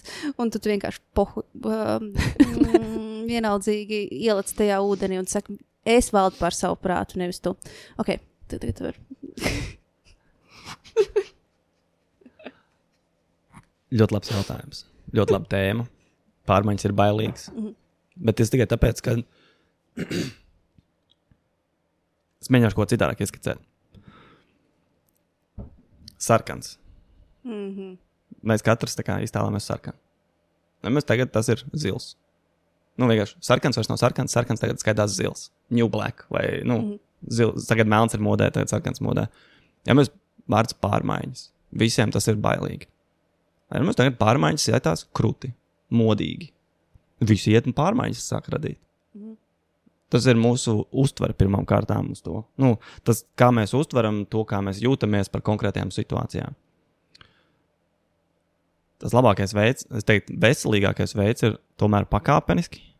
Nu, Tā kā iet, kā teicu, ir tas nekas, ka ir solis uz priekšu, solis apakaļ, katrs solis uz priekšu mums tomēr iedod, ka, yes, man kaut kas izdevās, un tad vēlreiz, vēlreiz, vēlreiz. Man pierādījās, ka parasti man vismaz kaut kādas pārmaiņas pakāpeniskās aiziet. Nu, kaut kāds seši, mēneši ir tāds tā posms, ja es kaut ko gribu ieviest pakāpeniski, es to daru, un pēc sešiem mēnešiem man ir tā, tā kā, reku jau ir. Šis, šis jau kaut sāk stabilizēties. Un tas otrs, ko teicu, ir angļuiski sauc par no turning back points. Tie ir tie lēmumi, situācija, brīži, kurus mēs izdarām, kad mums vairs nav iespēja atgriezties. Kā aiziet no darba, aiziet, ie- ielikt jaunā darbā, um, atvērt deju studiju, tā kā aizvērt deju studiju. Tagad tie visi ir tie, ko sauc par no turning back points, jo viss nākošais būs kaut kas pavisam cits. Šis vairs ies, ies, iesākums, tā kā viņš vairs nav. Pateikt, es tevi mīlu, nevar atpateikt atpakaļ vai arī visu mēs šķiramies.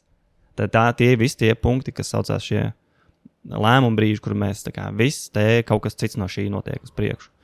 Vai kaut ko nopirkt lielu, vai investēt kaut kur vairāk, vai tieši otrādi kaut ko uh, aizņemties vairāk. Tās visas tās situācijas, kas, um, no kurām, es domāju, ja ceļš, ja mēs runājam par naudu, ļoti daudz noteikti gribētu labprāt atgriezties atpakaļ brīdī, pirms viņi ir paņēmuši visādus kredītus un nepieņem to lēmumu. Tikai, jo viņiem tas ir tad no turning back point. Parakstīja līgumu, to pārskaitīja kontā, un tad viss iztērēja un saprata, oh, shit, ko tagad. Un veselīgākais veids var būt, mēs daudz gan nespējam sevi noturēt mentāli, es teiktu, kā tādā. Tādā stabilākās, nu, tas homeostāzes, kas ķermenī tā kā, ka viss tur kā turās harmoniski, viss ir forši, viss ir saskaņoti. Bet mēs, mums grūti, mums ir emocionāli ieveikt pārmaiņas daudziem, tāpēc, ka mums vajag to krasu. Un tad ir jādomā par šo, kas ir tas, ko es varu izdarīt šodien, vismaz mazliet, kas man pavirza tuvāk. Tā kā, kas tas drosmīgais gājiens varētu būt, kas man pavirza tuvāk šiem, šim kaut kam, ko es gribu, tam mērķim, vienalga, kas tas ir. Un tie ir tos divas labākās, ko es esmu pamanījis. Veselīgāk ir ja pa solīšiem un nepārmest sev, ka nav tik ātri. Bet, ja gribās ātrāk, tad ir šī jātaisa šie lielie lēcieni kaut kādi, kas ir šie no turning back points. Meditācijā vipassana pieņemsim. Mm -hmm. Vienkārši desmit dienu klusēšana un meditācija desmit stundas dienā. Visu paņem vienkārši hardcore, hardcore mazdarīšana. Tā laikam varētu teikt. nu, ir kaut kādas šīs lietas, kuras mēs varam izdarīt, aiziet, ierasties, iztērēt, nopirkt, vienalga, kā mēs to saucam. Tādas, kas ir. Kā, jūs varat padomāt paši atpakaļ savā dzīvē, kuras bija tās situācijas, kuras jums arī bija šīs no turning back points. Mm. Un kas, kur jūs dabūjāt tos resursus, kāpēc jums sanāca tad, un kāpēc lai nesanāk tagad? Un tad jūs apdomājat, oh, jā, es vispār tagad arī varētu. Nav nemaz tik traki. Un tad vienkārši pieņemt lēmumu. Mēs vienkārši gribam, lai lēmums citi pieņem mūsu vietā diezgan bieži. Un tad mēs atliekam tik ilgi, līdz mēs saprotam, ka neviens nenāks man izglābt. Nebūs tur tajā baltā zirgā tas, tas princis vai kāds tur neatnāks. Tad mēs sakām, nu labi. Vai, Paši, vai pašam arī jāizdara. notiek brīdis, kad uh, apkārtējā vide piespiež tev pieņemt to lēmumu? Nav, nav teikts, ka tu pieņemsi labāko sev, iespējams, mm -hmm. pieņemsi labāko, lai izvairītos no tā apkārtējā spiediena. Mm -hmm. Ļoti daudz jauniešu aiziet studēt augstskolā, tāpēc, ka viņiem mm -hmm. ir spiediens. Mm -hmm. Nevis tāpēc, ka viņi. Es gribu iet uz augstsskolā, studēt šo. Man interesē šī joma, man interesē tā zinātnē, kas tur ir iekšā viņā. Mm. Ļoti maz tādu ir. Mm. Labi. Savienojas, labi, teiksim. Cilvēks no, pieņem lēmumu, iet prom no darba, kā tam sagatavoties. Nu, es domāju, kā pareizi varbūt izveidot drošības spilvenu šim te notikumam.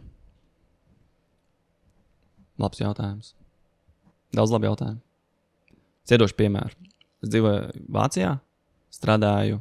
uh, Tā bija tā laikā, tā bija stikla rūpnīca, kurā es strādāju. Es aizgāju arī pie vadītāja, un es viņam teicu, ka nu, es viņam uzdevu daudz personīgus jautājumus. Mēs bijām sarunājuši tikšanos vispār par dzīvi, kā viņš skatās uz naudu, kā viņš skatās, kā viņš uz uzņēmumu skatās, kā attīstības viņš grib un tā. Un es viņam teicu, ka es gribu attīstīt filmēšanu, fotografēšanu, filmēšanu. Un šeit, mhm, šeit forši. Šeit vilcieni, brauc pa divām sliedēm. Es saku, nu jā, pārsvarā vismaz. Cik es zinu. Un viņš saka, ok, forši. Skaties, viena slieda ir, tu strādā joprojām pie mums. Tev, nu, tu strādā pie mums, tev ir stabila alga, stab, stabili ienākumi, viss kārtībā, tev nu, dzīve turpinās. Un otrs lieta, tu attīsti to savu filmēšanu. Man liekas, ka, wow, tik vienkārši. Es vienkārši attīstu otru sliedu, lai tad, kad, tad, kad ja nu es gadījumā kādreiz pārlikšu, tad man ir divas, tā kā es varu kā vilciens turpināt šš, braukt. Pēc tam, ok, ja nu es atmetu darbu, tad man paliek vismaz otrs slieda. Mm -hmm. Un uh, es šo ļoti labi atceros, tāpēc, ka es uh, neņēmu vērā viņu ieteikumu. Mm. Es uh, pēc kaut kāda laika, nu, es vēl turpināju tur strādāt kaut kādu nepilnu pusgadu. Es mēģināju kaut ko attīstīt, man ne līdz galam sanāca.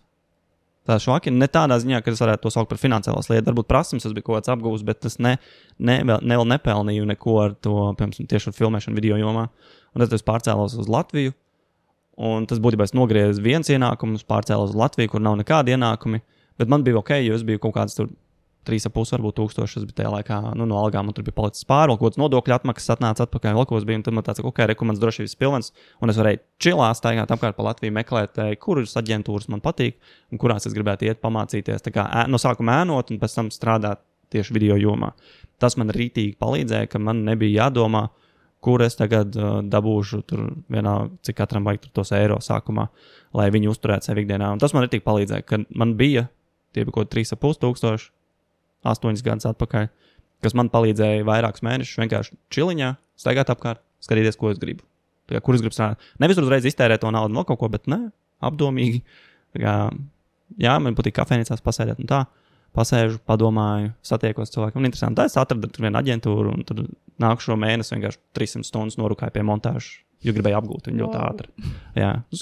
Nu, tur runā, tas sūties par divām dienām. Man tās bija 30 dienas no vietas, bija, kuras vienkārši. Jā, varbūt mazāk, 30, varbūt kaut kāds 25. Varbūt, Tas dienas, tas, jā. ko tu vēlējies. Jā. Bet es to vēlējos, Jā, un tā, jā. tā ir tā atšķirība.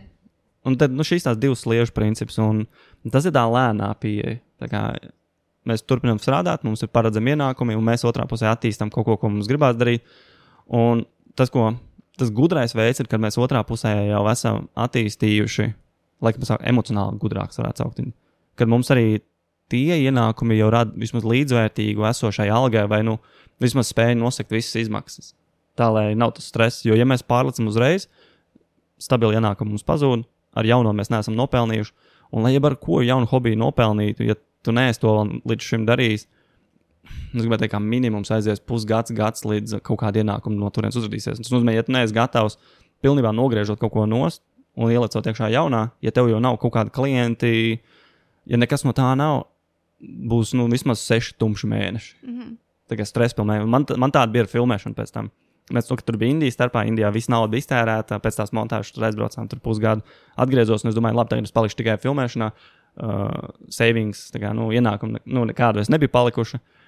Un tad es tikai uz kaut kādiem gadījumiem, darbiem dzīvoju, un man bija tāda sajūta, ka to gadu es varu nosaukt, tā man bija tāds hipīgi gads, tā kā paļaušanās uz visumu. Kad uh, kaut kāds, man tur vajag kaut kāds 80 eiro, pēkšņi uzrodas darbiņš par 110 eiro, aizēja izpildīt, forši tur, aiziet samaksā, labi, beidzās. Nav atkal tur nedēļa, divas, nav naudas. Mm, tā kā uzrodas vajadzība, uzrodas kaut kāds darbiņš, un tā ir interesanti, es tur kā savā ziņā miedarbība mm -hmm. ar visu bija.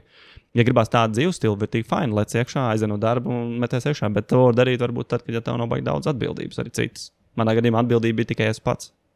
Tad es varēju tā kā eksperimentēt tādā ziņā. Bet ja tur ir bērni un vēl kādi cilvēki, kas varbūt ir tur jāapkopa vai nu, dažādas tās ģimeņa situācijas, mm -hmm. ir, tad tas nav tas labākais, bet ir jāatrod sevī pēc tam jauda attīstīt to otru sliedi vakaros un brīvdienās nozīmē, nu, tu nevari vērt vaļā Netflix vai ugun, ugunsgrēku, un tu nevari atļauties iztērēt 4-5 stundas vakarā, skatoties kaut ko izklaidējošu. Nu, vienkārši sēdi rukā. Tā, tā kā, mm. Daudz, ļoti daudz vakars un brīvdienas esmu investējis tajā, ko es daru. Nevis, nevis pavadot. Es arī paskatos, man patīk gan filmas, pastīties, visu kaut ko, kas man liekas ļoti interesants. Bet stundas daudz vairāk tiek ieguldītas vai nu man izglītībā, vai uzreiz eksperimentējot, praktizējot ar kaut ko. Un tā ir tā atšķirība. Ja man pirms pieciem gadiem nemaksāja par manām uzrunām vai uzstāšanām, tad es tagad varu izrakstīt rēķinu tādu, kas citiem varbūt ir mēneša alga par uzstāšanos. Mm -hmm. Un tā ir, tā, tā ir milzīga. Nu, tie tie desmit, varbūt laikam jāsaka, gan desmit gadus, kurus es laiku lieku iekšā tajā, tas ir akumulējošais efekts. Tur tās lietas izbalansējās, bet tas ir tas ieguldījums ilgtermiņā. Jā. Man gribās aplaudēt. bet bez tā neizbraukt. Nevar apkrāt. Ne, nu, nevar apčakarēt cilvēku mm -hmm. ilgtermiņā. Tu vari viņus īstermiņā apčakarēt, tu vari kaut ko pārdot ātri.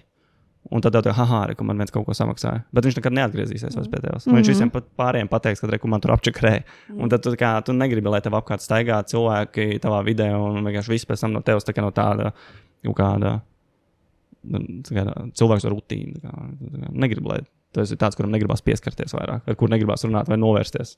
Mm. Nu, tas par to ir. Jo var notirgot ļoti ātri, to mēs redzam.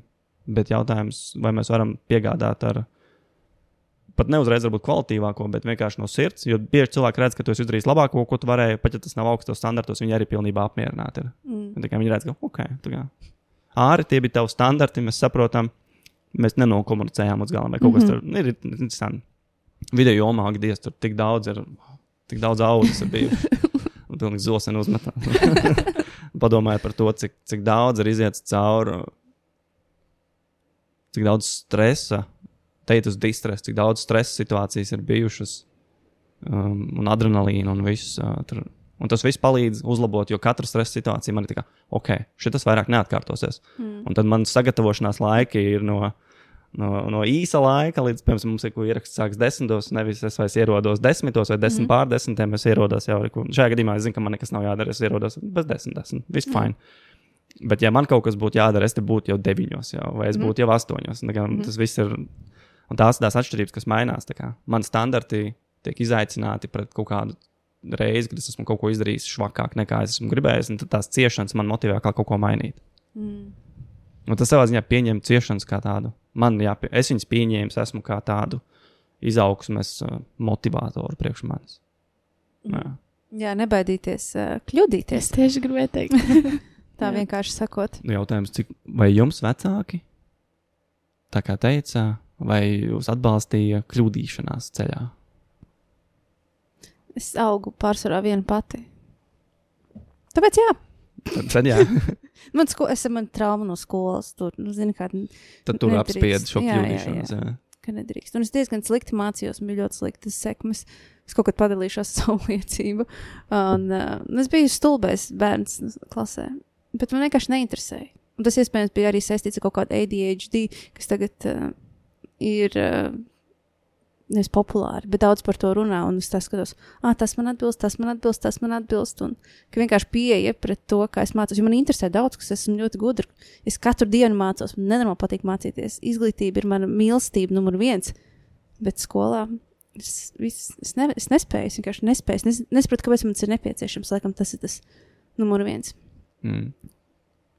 Jautājums bija, vai vecāki atbalstīja kļūdīšanās procesā? Mm.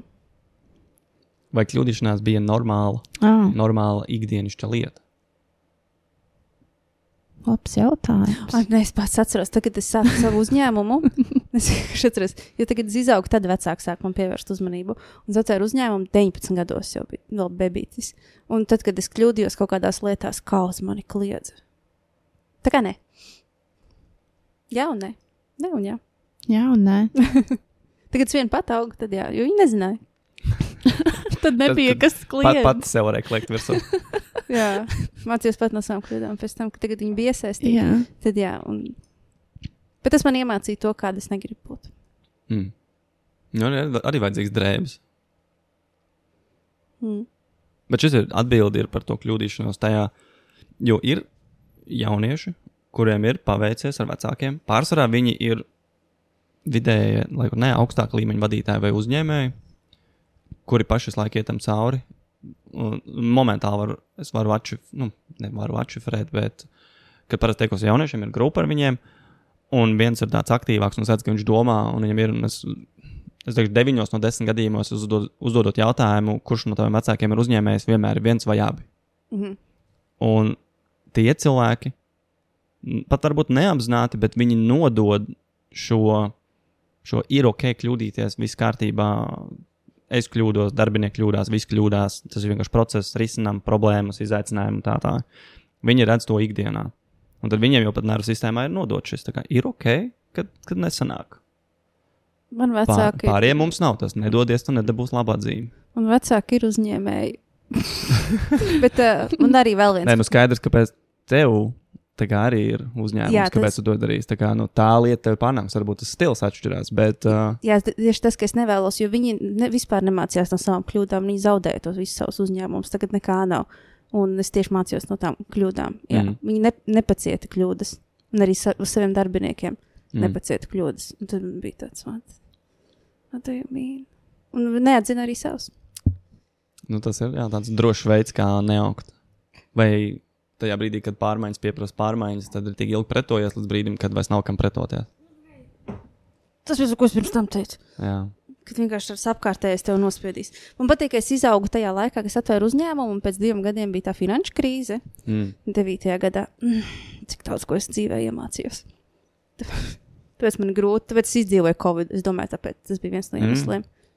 Jo tā krīze bija salīdzināt. Man no simts dejotājiem palika 4, 5. Mm. Tas bija kreisīgi. Tāpēc to es izdzīvoju. Uh, man jautājums par tiem vadītājiem, tu tikko pieminēji. Kas, ko, ko tas novērojis, kādas īpašības ir tiem vadītājiem? Vai viņi, kā viņi runā ar cilvēkiem, vai kā, kā viņi izskatās? Un tagad ir pēc izskata, kā viņi atšķirās. Un pēc, protams, darbībām. Es laikam vairāk fokusēšos uz darbībām. Vai uz darbībām? Tie varbūt tādi foršākie, ko es esmu redzējis.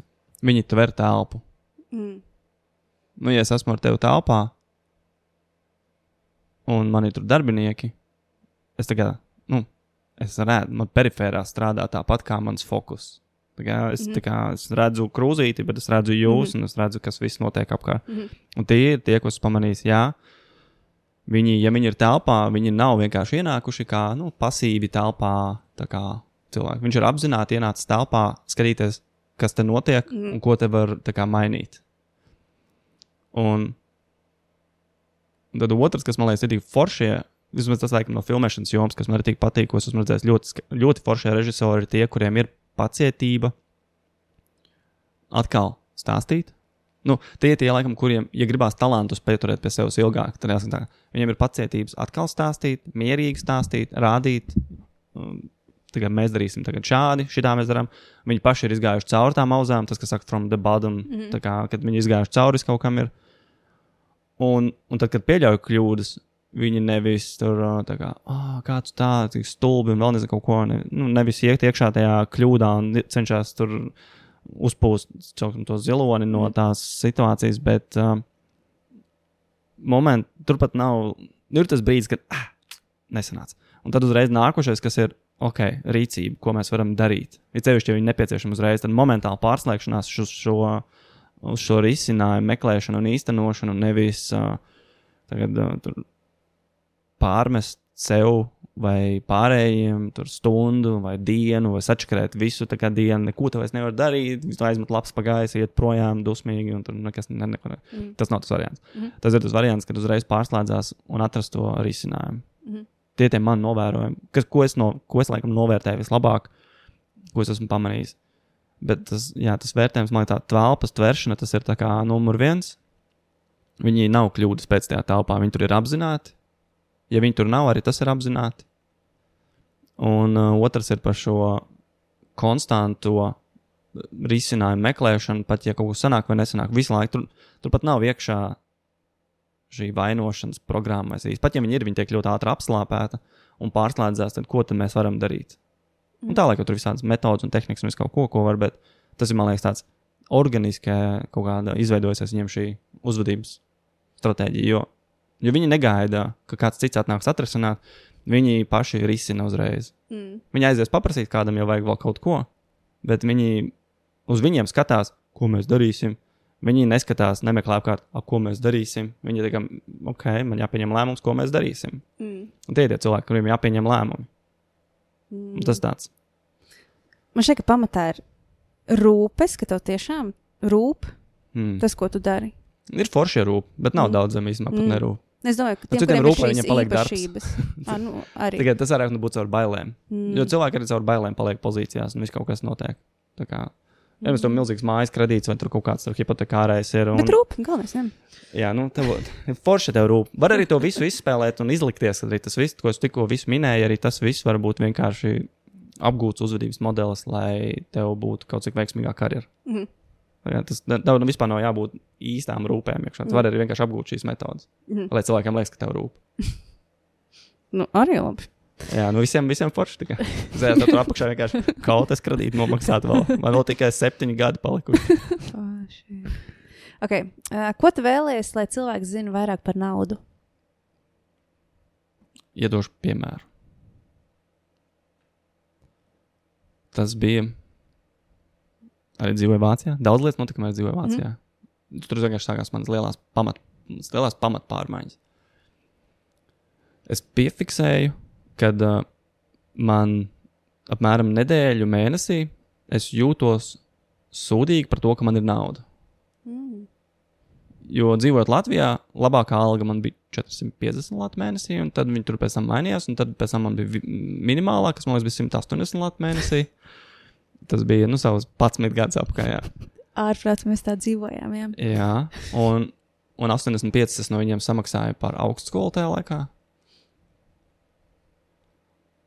Un, bet tas, ko es biju iemācījies mantojumā, bija arī, kad bija vecāki. No viņiem bija iemācījies, kad uh, tev, pieņemsim, pirmajā datumā, nu, desmitajā ienāk nauda, vienalga, kurā datumā ienāk. Tad trīs nedēļas tev ir ok, pēc trīs nedēļām tev nauda vairs nav, Mm. un pēdējā nedēļā ir stress, jūties sūdīgi, un viss ir briesmīgi. Un, ja šis cikls manā gadījumā notiek atkal, vienu mēnesi, otru mēnesi, trešo gadu, divus, trīs, desmit, manā gadījumā tas jau bija 16 gadus. Mm. Tas ir ļoti labi ieprogrammēts cikls, kurš man uh, lika justies ļoti nērti Vācijā, kad es pelnīju vidēji tur 1200, 1600 eiro mēnesī. Mm. Jo man pēc trīs nedēļām joprojām bija nauda, un es piefiksēju, ka es visu laiku meklēju veidu, kā viņu iztērēt. Mm. Un man bija tāds, kaut kas, kaut kas nav pareizi. Man, man jau gribās, lai man tur varbūt ir 4, 500 paliek mēnesī. Arī, nu, kāpēc, kāpēc man jāiztērē? Mm. -hmm. Tikai tāpēc, ka mē, nu, un es, es reāli no sākuma nečifrēju, kas, kas tas ir. Un tad es piefiksēju, ka naudai ir šie divi līmeņi. Viens līmenis ir šis finansiālais, nu, ir datums, iekrīt summa, tad mēs viņu lēnām atdodam visiem. Trīs nedēļu laikā mēs esam visiem citiem viņu devuši, pašiem mums vairs nav. Varbūt mīnusā aiziet. Un arī ir emocionālais līmenis. Nauda ienāk, mēs esam hihi, priecīgi, tur uz desmitnieku jūtamies. Un tad trīs nedēļu laikā mēs esam vien bēdīgāki, uz 9, 8, 7. Mēs mm. tā kā naudu dodam projām visiem citiem, tur atdodam, tur atdodam bitei, tele2, vienalga, kā mēs atdodam, tur mm. pa īri, visiem citiem atdodam viņu. Un tad mēs jūtamies bēdīgi 7 dienas no 30. Piemēram, pēdējā, pēdējā nedēļā. Un tad es pieņemu, ok, bet šīs divas lietas vajadzētu atdalīt, jo man arī nepatīk, kā es uzvedos tagad ar naudu. Un tā bija tā, tā mācība, saprast, ka naudai ir fiziskā šī manifestācija, cik viņa reāli ir, kurā brīdī, cik viņa ir. Un es sapratu, ka es negribu, lai mans emocionālais arī staigā līdz ar to. Un tad to bija grūti um, pirmajā reizē tikt galā, jo man bija divus mēnešus, pagāja laiks, līdz es jutos ērti, ka man ir nauda palikusi kontā mēneša beigās. Jo man bija tik nērti. Man, es, vā, daudz, es pat neatceros, cik reizes, bet es daudz reizes sev tā kā gan pa pirkstiem uzsitu un tikai ej ārā no Amazon, ej ārā no AliExpress. Tikai nē, nepirksi šo, nekā, tikai tāpēc, ka man tur kontā ir pāris simti palikuši, nenozīmē, ka es tagad varu ņemt un tērēt viņus.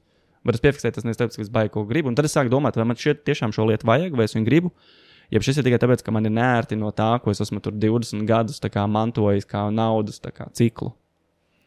Grāmata T. Harvs Ekers, Miljonāra prāta noslēpuma. Tur pa blueprintiem bija uh, ļoti skaisti. Es tieši to grāmatu lasīju, viņa man palīdzēja tajā brīdī izprast vairāk šo mm, naudas mantojumu, kādas esmu saņēmis no iepriekšējām paudzēm. Jo, ja nav apzināti domāts par to, visticamāk, nu, jūs un vispārējie, arī kas klausās, rīkojieties tieši tāpat kā jūsu vecāki vai tuvākie, ietekmīgākie cilvēki, kas jums bija, kad jūs augāt. Identisks uh, naudas modelis būs. Mm -hmm. Jo nekur citur nevar iemācīties. Viņi iedeva. Mm. Un tas ir tas, saprast, ka mēs mantojam to, kā mēs darbojamies ar naudu, un atdalīt naudu no tīri tā cipariskā un emocionālā.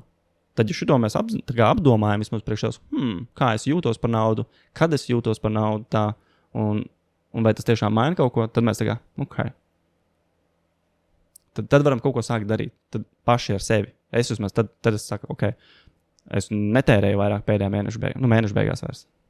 Un ir tik grūti, ir tik nērti. Bet pēc diviem mēnešiem man bija sajūta, ka es esmu atbrīvojis sevi no šī emocionālā sloga. Pēc tam nācās vēl tur ar finansiālo strādāt. Nu, tas, tas ir kaut cits uzdevums. Bet uh, atdalīt, saprast, kā, tas nav viens gabals, nauda nav viens kaut kas. Tur ir viss kaut kas, tur ir tik daudz saistītie mm. elementi. Nu, vispār priekš sevis viņus atdalīt un saprast, kā man viņš funkcionē tas viss. Vēl viena lieta, ko mācīt skolā Jā. - naudas psiholoģija. Es Jā. tieši gribu uzsvērt to psiholoģiju, Jā. jo es tikai šogad sapratu, ka lielākās naudas tad, tad problēmas ir tieši manā attieksmē pret naudu. Jā. Un to ir grūti pamanīt. Nē, nu, nenormāli. Tā kā man vajadzēja, lai man rīktīgi iebilst pa galvu. Vislabākais, kā man tas strādāja, bija, es uh, katru, zinu, ka daudziem nav motivācijas tādām lietām. Bet tie divi mēneši es katru dienu pierakstīju kā es jūtos tagad saistībā ar naudu. Mm. Es vienkārši pierakstīju, man, un es ar cipariņu mērīju. Un tad man bija divu mēnešu laikā, 60 dienu griezumā, man bija uh, mana emociju karte un mana naudas karte. Mm. Es varēju diagrammā ielikt, cik daudz man ir nauda un kā es jūtos viens pret desmit pret naudu. Mm, un man bija tās divas līnijas, un es varēju redzēt, kā, kā, viņas, kā viņi kāp un kā viņi krīt. Un tad, kamēr man tā emocionālā līnija nenoturējās vai nekāpa neatkarīgi no naudas, tikmēr es vēl nebiju sev no viņas atbrīvojis. Mm -hmm. Un tas tāds, nu, tas ir ļoti tādā statistikas pieeja. Matemātiski. Ja ļoti, man ļoti patīk tādi. Kognitīva behaviorālās terapijas pieeja. Tādu varētu vēl saukt. Jā. Mm. Man patīk visādi šādi tūlīt. Tas nostrādās cilvēkiem, kuriem nu, kā, interesē vispār, kā viņi jūtas. Jo daudz jau, man liekas, cilvēki samierinās ar to, ka viņi jūtas slikti par to pašu naudu, par apstākļiem. Jo kariņš vainīgs taču. jā. jā. Visi Bet uh, ir vajadzīga, efforts ir jāiegulda, lai šo mainītu. Mm -hmm. Bet, ja mēs padomājam, cik daudz mēs enerģiju pazaudējam, jūtoties sūdīgi par to, ka mums kaut kas nav. Ja mēs, ja mēs stundu dienā mēs grūzamies par to, ka mums nav naudas, 30 stundas mēnesī, 365 gadā, mm -hmm. divas pilnas darba slodzes, par kurām tev neviens nemaksā. Par ko tu grūzies gada laikā. Un, ja mēs to stundu ar sakostiem zobiem iespiežam iekšā, vai es tagad pierakstīšu un domāšu par naudu. Mm daudz kas mainās. Varbūt baigā ārpusē uzreiz nemainās. Nav tā, ka pēkšņi es pelnu vairāk, bet man attieksme mainās pret to. Mm -hmm. Ir, ir, ir. Man, es man arī tagad eh, sāku arī ieguldīt vairāk un krāt, jo kādreiz es biju tā kā nevis pret krāšanu. Es krāju vienmēr, bet kaut kā bankās neliku. Un, Kaut kāds gluks bija vispār galvā. Es vispār nekam neusticējos. Nu, es klausos, un, ka tev labs mantojums no vecākiem tur bija. Bet ļoti labi, nu, forši, ka tu dalies ar to piemēru. jā, jā, un uh, tikai šo, iedomājieties, man ir 36 gadi, un tikai šogad sāku vispār par ieguldījumiem domāt un mm. likt, un es tā akcijas skatos, kādas varētu pirkt.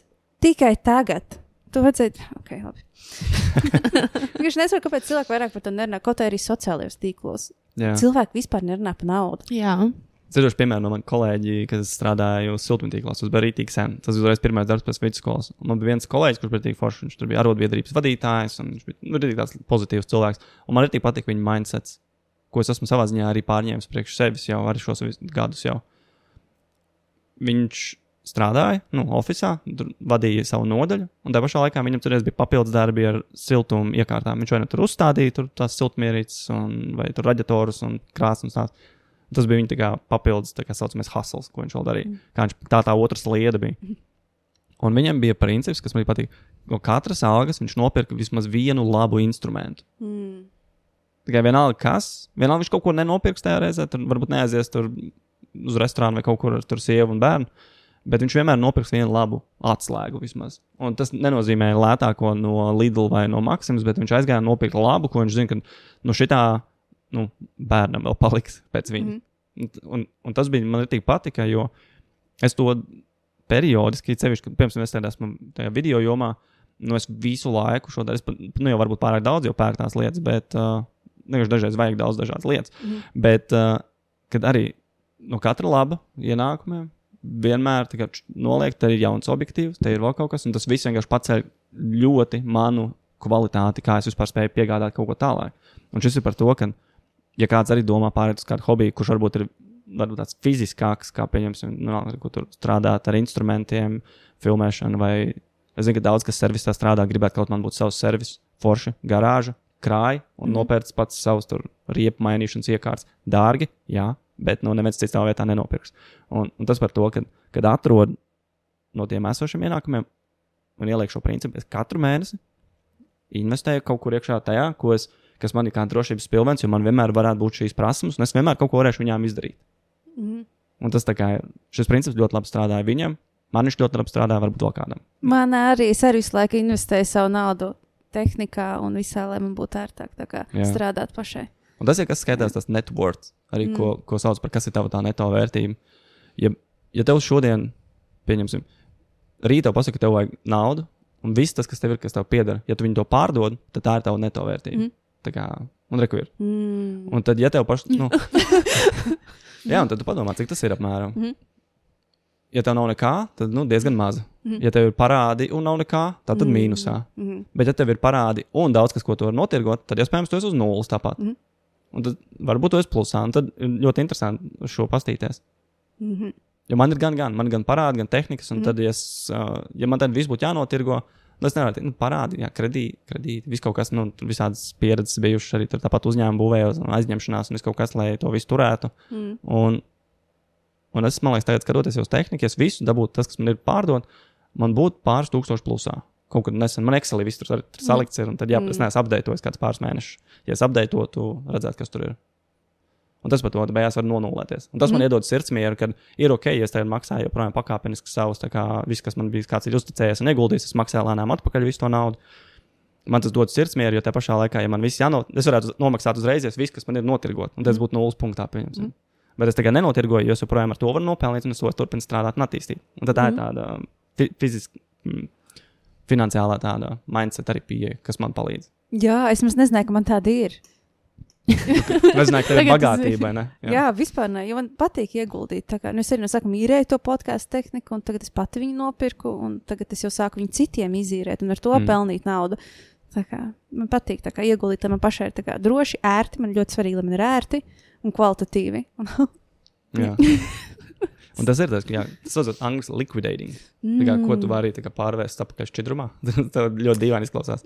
Bet, nu, cieto matēriju Jā. pārvērst tā kā Mhm. plūstošā, ko tu vari kā. Vēl viena lieta, ko mācīt skolās. Jā. Neto vērtības.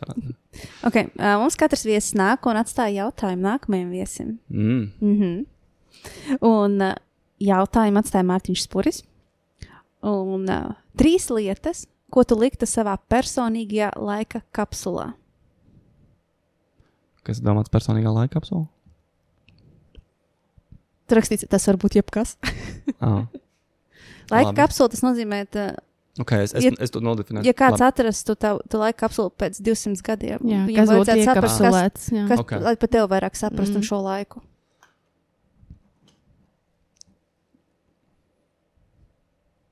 Es saprotu, ja man būtu, ok, pieņemsim to. labi, 200 gadi, tur kaut kādi mani tur bērni, bērni, bērni, bērni, un man viņiem jānodod manas trīs dzīves gudrības. Nu, jā, īstenībā tas arī Dzīves gudrības arī, jā. Mhm. Uz lapiņas uzrakstīts, Mm. Mm. kas strādās pēc 200 gadiem. Tūli. Protokoli. būtu tomēr,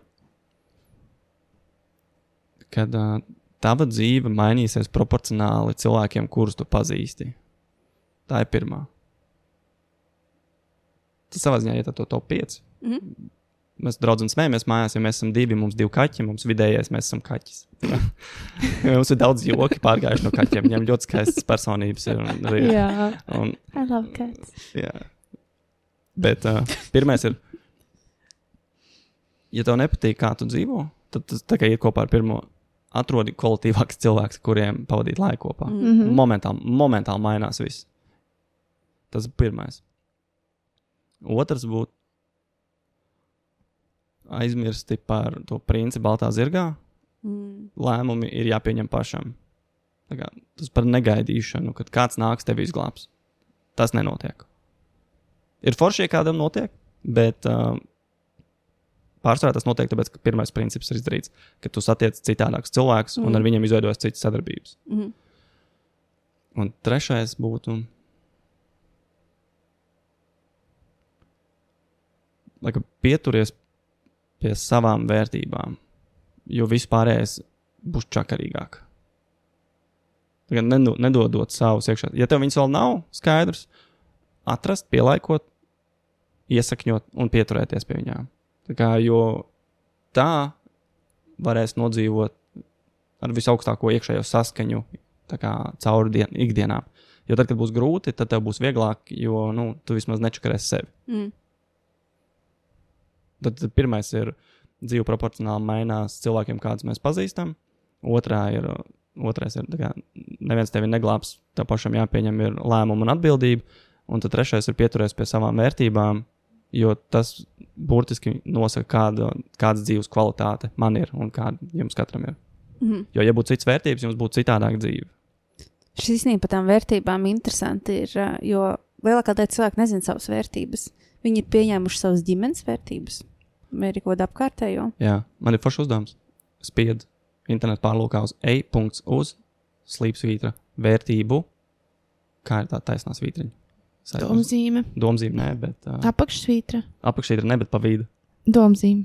Ne domzīme vertikālā. Nē, domzīme šitā. Tā saucās domzīme. Jā. Ah, tā bija izsākuma zīme. Jā. Pagaidies. Jā, tātad e, Okay, ej, uz. E-uz šķērsvītra vērtību domzīme piramīda. Mhm. Tur atvērsies uh, Google Excel, uzspied kopiju. Mm. Un tur ir piramīda. Burtiski es vienkārši ekselīti uztaisīju piramīdu. Tur ir 20 plus dažādas vērtības, kuras tu vari pielaikot priekš sevis. Mm. Vienkārši iziet cauri tām vērtībām. Un vai nu lietas iekšā tajā nokopētajā Excelī, ieliec piramīdā, vai arī nocīšķi uz rokas pierakstu uz lapas kaut kur. Un tad pasties, kas tev ir top 3 un top 6. Tu to izveidoji. Jā, jā, nu tas Excel Google stāv. Bieži jāizmanto vienkārši. Es Jā. esmu viņu uztaisījis tā, lai man viņš ir parocīgi, tad, kad man viņa vajag, un arī Mhm, jebkuram jā. citam, ka viņš ir lai tur Jā, jo tā ir tik svarīga Forši. lieta. Mhm. Un tad ir top 3, Jā. kas nosaka mūsu dzīvi. Jā, jā. mūsu lēmumus, Jā, viss, kur mēs virzamies. Paldies. Jā. jā. Ja, ja tu nesaproti, kāpēc tu dari to, ko tu dari, paskaties mm. Mhm. savam top 3 vai top 6 vērtībām, un tur būs atbilde. Paldies, ka tā atnāci. Bija baigi forši. Tas, ko zinājām. Varbūt pēdējā lieta, ko tu vēlēsi pateikt.